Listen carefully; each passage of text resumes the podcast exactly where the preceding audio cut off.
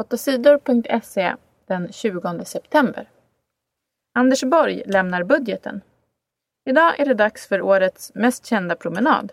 Då går finansminister Anders Borg och lämnar regeringens budget till riksdagen. Budgeten handlar om hur skattepengarna ska användas de närmaste åren. Många ska få det bättre, lovar regeringen.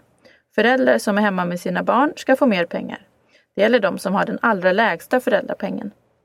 Pensionärerna ska få mer pengar. Skatten på pensioner sänks. De flesta pensionärer kommer att få ungefär 50 kronor mer i månaden nästa år. Regeringen sänker också skatten för företag. De ska få, det ska få företag att trivas i Sverige, säger regeringen. Fransk tidning skojar med judar och muslimer. Den franska tidningen Charlie Hebdo är berömd för sin, sina skojiga och elaka teckningar av politiker, företagschefer och andra kända personer med makt. I det senaste numret skojar tidningen med judar och muslimer.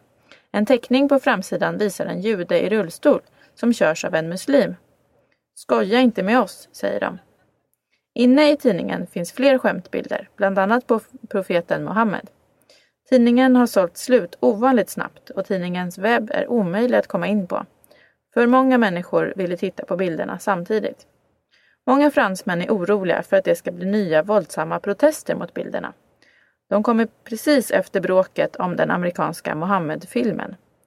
När Charlie Hebdo visade bild på, bilder på Mohammed för några år sedan brändes tidningens lokal ner. Tidningens chef, Stefan Carbonnier, säger att Charlie Hebdo skojar med allt och alla. Vi har den här sortens teckningar i tidningen varje vecka. Men det är bara när vi har med Mohammed som folk blir arga, säger han. Frankrikes regering tror att det kan bli våldsamma protester mot Frankrike i muslimska länder. Frankrike stänger därför ambassader och franska skolor i 20 länder. 8 sidor TT. Telia anklagas för muta i Uzbekistan. Det svensk-finska företaget Telia Sonera har samarbetat med diktatorn i Uzbekistan. Företaget har gett pengar till en kvinna som har nära kontakt med landets ledare. Telia Sonera betalade för att få sälja mobiltelefonteknik till landet. Det säger SVTs tv-program Uppdrag granskning. Men Telia Soneras chefer säger att de inte alls har samarbetat med diktatorn. Företaget har bara samarbetat med ett företag i Uzbekistan, säger de. Men när Uppdrag granskning undersökte företaget i Uzbekistan så fanns inte pengarna där. Svenska staten äger en stor del av Telia Sonera. Vildsvin gör vägarna farliga. Höstmörkret är här och vägarna blir farligare. Det är lätt att krocka med älg, rådjur och andra vilda djur. Vildsvinen gör de svenska vägarna extra farliga. Vildsvinen är svåra att upptäcka för bilförarna. De, de är snabba och syns sämre än större djur. Vildsvinens ögon reflekterar inte heller ljuset från bilens strålkastare lika bra som till exempel älgens ögon. Det finns fler vildsvin än vanligt i landet i år. Förra vintern var ovanligt varm och fler vildsvin överlevde. Det har hänt 2000 trafikolyckor med vildsvin hittills i år. 8 sidor TT. Gatubarn fick fredspris.